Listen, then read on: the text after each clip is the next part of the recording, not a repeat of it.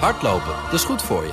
En Nationale Nederlanden helpt je daar graag bij. Bijvoorbeeld met onze digitale NN Running Coach... die antwoord geeft op al je hardloopvragen. Dus, kom ook in beweging. Onze support heb je. Kijk op nn.nl slash hardlopen.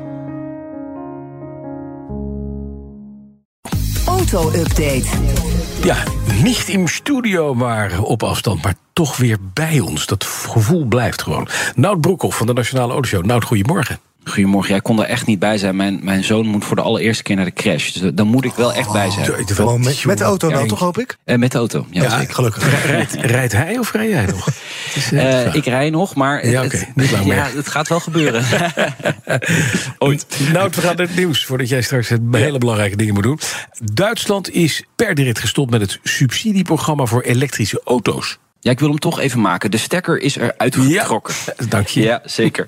Ja, graag gedaan. Eh, nee, eh, ja, het is natuurlijk een gevolg van die begrotingscrisis. Dit hing al even in de lucht. Maar dat het zo abrupt eh, is stopgezet, dat is toch wel opmerkelijk. En ook voor goed. Hè. Het komt niet meer terug. Volgend jaar is er geen subsidie meer in Duitsland voor elektrische auto's. En het is dus nu twee weken eerder stopgezet. Het gaat om die milieubonus van eh 3000 tot eh, 4500 euro per auto. Ligt een beetje aan hoe duur die auto is, hoeveel geld je eh, krijgt.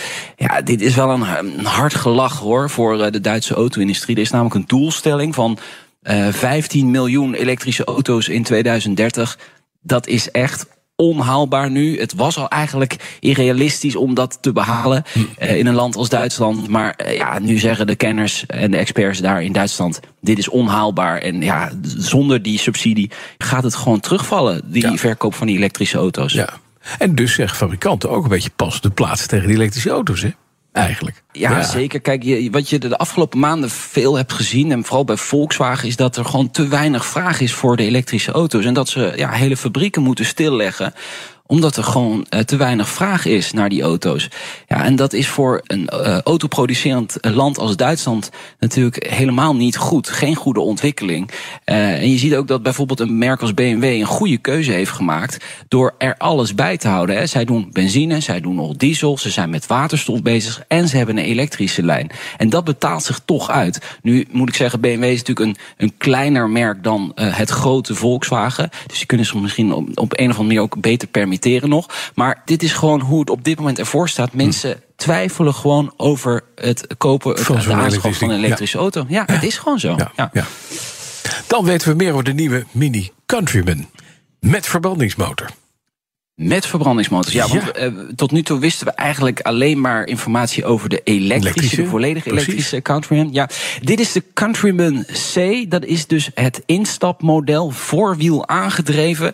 En die krijgt een driecilinder benzinemotor met 170 pk. Hallo, een driecilinder. Ja. Dat is een mini-motortje. Ja, ja, mini-motortje Met met, heel veel vermogen. veel eh, pk. Ja. in mijn up in de driecilinder, eh, daar haal ik het niet uit, zoveel pk. Sterker nog, nog niet eens de helft. Mhm. Maar goed, dat daar gelaten. Eh 0 tot 100 in 8,3 seconden. Topsnelheid van eh 212 kilometer per uur. Zo. Ja, ehm, ja, ja, zeker. Ja, nee, het is een, echt wel een potente driecilinder. Eh, hij gaat in Nederland net geen 46.000 euro kosten. Mhm. En dit is nog maar het begin. Er komt ook een diesel variant. En er zijn nog twee andere uitvoeringen van de Countryman onderweg. De eh, S All 4, dus dat is de vierwiel aangedreven eh, Countryman. En Bas, de John Cooper Works. Je weet wat dat Natuurlijk. betekent. Ja, dat is altijd snelheid. Ja, leuke editie. Maar dit is leuk. En de Countryman is altijd juist dat bestelletje eigenlijk, hè?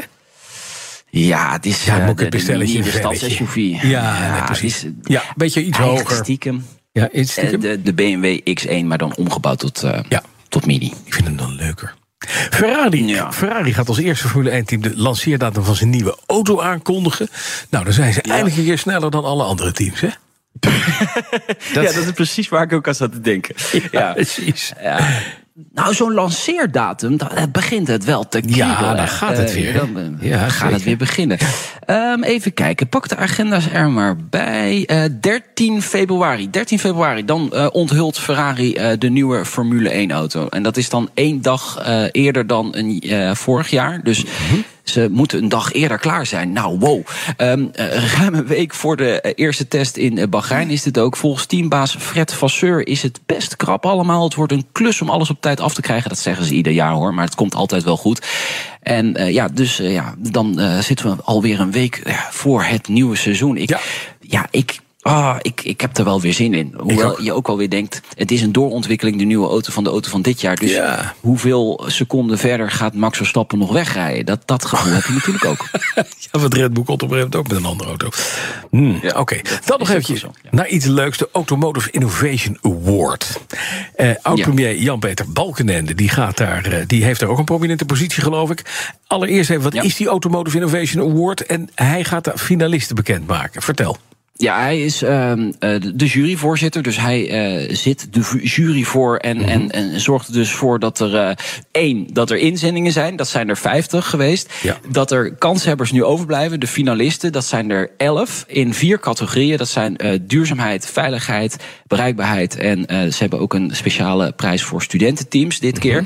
keer. mooi is aan, aan, aan deze prijs is denk ik dat de innovatiekracht van de Nederlandse autosector is er zeer zeker. Hè. Wij hebben geen grote auto-industrie. Maar we zijn heel belangrijk met het toeleveren van allerlei onderdelen en innovaties. En dat is toch mooi om af en toe in, uh, in het zonnetje te zetten. Ja. En daarom is hij hier het boegbeeld van geworden, Jan-Peter Balkenende.